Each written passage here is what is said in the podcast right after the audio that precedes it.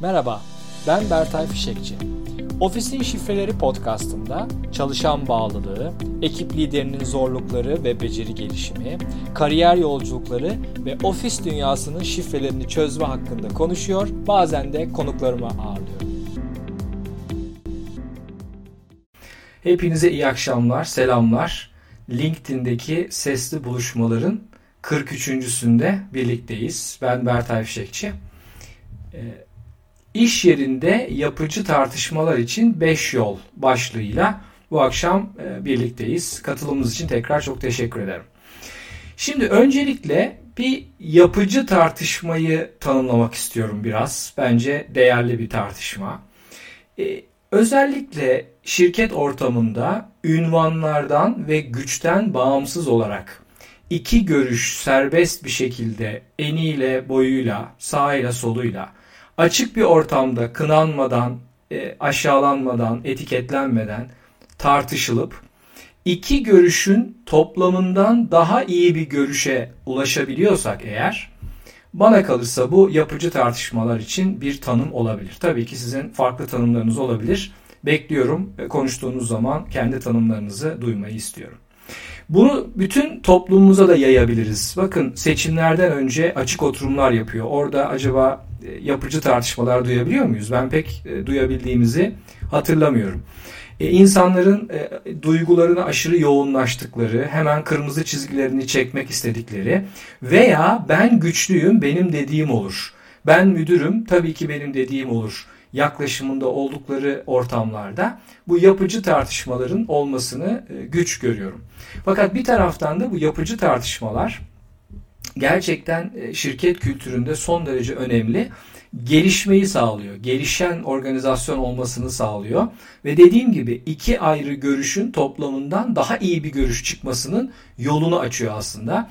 E, iş sahipleri için, genel müdürlerimiz için, ekip yöneticileri için böyle bir ortamı yaratmak. Yani iki fikrin rahatlıkla tartışıldığı, üç fikrin rahatlıkla tartışıldığı ve sonunda daha iyi bir fikrin ortaya çıkabildiği bir ortamı yaratmak aslında çok önemli bir yöneticilik becerisi.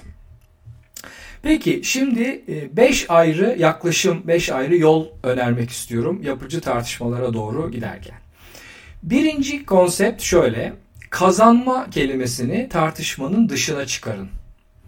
E, biraz farklı gelmiş olabilir. Biraz açıklamak isterim. Simon Sinek'in e, Sonsuz Oyun diye bir e, kitabı var. Tavsiye ederim. Eğer elinize geçip okursanız zevk alacağınızdan eminim. Dilerseniz bana da ulaşabilirsiniz. Ben de size kitapla ilgili yardımcı olabilirim. Orada bir sonlu oyun bir de sonsuz oyun tanımları var. Sonlu oyun oyuncuların belli olduğu, başlangıcın ve bitişin belli olduğu, oyunun kurallarının belli olduğu ve amacın kazanmak olduğu oyunlar. Yani bildiğimiz tipik bütün spor karşılaşmaları böyle. Bir basketbol maçını düşünün. Oyuncular belli, kurallar belli, hakem var, süre belli, başlangıç noktası belli, bitiş noktası belli ve sonunda biri kazanıyor. Bu sonlu oyun. Bir de sonsuz oyun var. Sonsuz oyunlarda oyuncular değişebiliyor. Kurallar yol boyunca değişebiliyor. Amaç kazanmak değil. Amaç oyunda kalmak. E, bunlara örnek olarak da mesela evlilik verebiliriz değil mi? Bugün sevgililer günü. Evlilik bir sonsuz oyundur. Evlilikte ben kazandım diyemeyiz, dememeliyiz. Veya arkadaş aynı şekilde.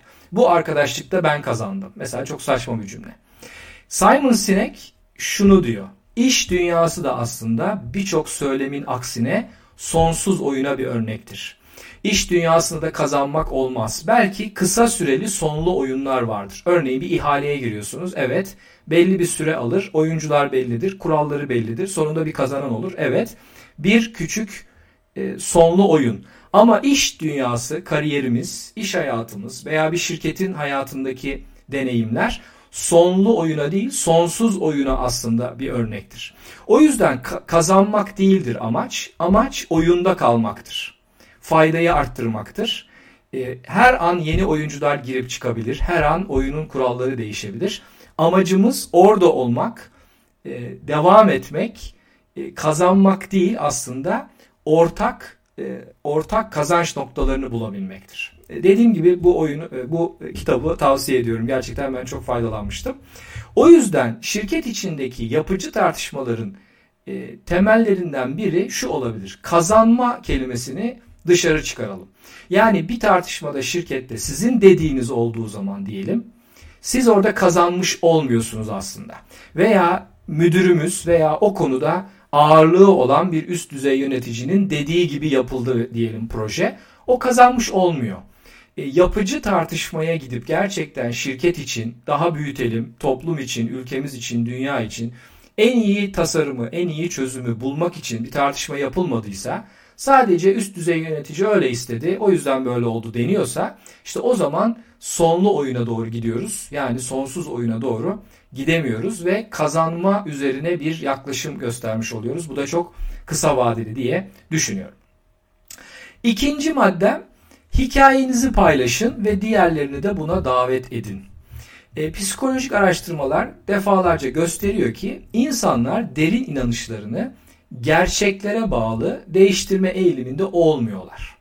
Yani insan bir şeye çok derinlemesine inanıyorsa onun tam aksi bazı gerçekleri önüne koyduğumuz zaman bu derin inancını değiştirme eğiliminde olmuyor insanlar. Fakat değişim hemen olmasa da hikayelerin paylaşımı, farklı görüşlerin anlaşılması ve benimsenmesi bu yolda büyük faydalar sağlıyor. Kendi bakış açınızı kişisel bir ifade hikayeyle ifade ettiğinizde grubun sizi anlayabilmesi, sizinle benzer durumda yaşayanların birliktelik duygusuna gelebilmesi kolaylaşıyor. Empati artıyor. insanların birbirini anlaması daha fazla artıyor. Bu olduğu zaman da işte bu yapıcı tartışma, beraber karşılıklı birbirimizi anlayarak gerçekleştireceğimiz tartışmaya doğru ilerlemiş oluyoruz. E, biz Engage Grow'un e, bağlılık programlarında bu hikaye paylaşımı ile ilgili bir modül uyguluyoruz ve gerçekten çok güzel sonuçlar aldık. İnsanlar kendi hayatlarından bir hikayeyi paylaştıkları, kırılgan oldukları, kendilerini ortaya koyup paylaşımda bulundukları zaman gerçekten bütün dinleyenlerle, bütün ekiple farklı bir insani e, bağ yakalamış oluyorlar ve bu bütün ilişkilerinde işe yarıyor. Bu hikayeyi anlatabilen ve bu paylaşımı yapabilen insanlar, liderler bu yapıcı tartışmaya doğru da ilerlemiş oluyorlar. Üçüncü maddem anlamak için sorular sorun. Tabi sürpriz değil. Sorular aracılığıyla mütevazi bir anlama isteği göstermeniz diyaloğun genişlemesi ve derinleşmesi için çok etkili bir yol olabilir. Fakat sorular aynı bir diyaloğu derinleştirebildiği gibi anında da bitirebilir. Mesela iki örnek e, vereceğim şimdi size. Bir tanesi şu. Mesela bir tartışma e, devam ediyor iki insan, iki arkadaşımız farklı görüşleri e, sunuyorlar. Bir tanesi birdenbire sinirleniyor ve diğerine diyor ki sen bana böyle bir şeyi nasıl söyleyebilirsin? Bu da bir soru baktığımız zaman. Ama takdir edersiniz ki böyle bir sorudan sonra artık yapıcı tartışmaya doğru gidemiyoruz. Başka yollara gidiyoruz. Burada bir e, doğrudan saldırıya yakın bir yaklaşım var. E, karşı tarafı defans yapmaya, savunma yapmaya yönelten bir cümle. Başka bir örnek vereyim. Mesela şunu da diyebilirsiniz. Ya bu görüşe ulaşmanda nelerin etkili olduğunu paylaşabilir misin? Ben çok merak ettim bunu. Mesela bunu dediğiniz zaman gerçekten merakla bir çocuğun merakı gibi bilmediğiniz bir konuyu anlamak istediğinizi ortaya koyacak şekilde bir açık ve güçlü bir soru sormuş oluyorsunuz. Bu karşılıklı anlayışı ve e, yapıcı tartışmaya giden yolculuğu hızlandırabilir. Diğer bir madde duyguların rolünü kabullenin. Bu da önemli bence. Şimdi aynalayarak karşımızdakinin duygularını yeniden ifade etmek ve duyguları doğru anlayıp, anlayıp anlamadığımızı teyit etmek karşılıklı anlayışı ve empatiyi geliştiriyor. Mutlaka beni dinleyenler arasında koçlar vardır, koçluk eğitimi almış olanlar. Koçluk eğitiminde bu önemli yer tutan bir konu.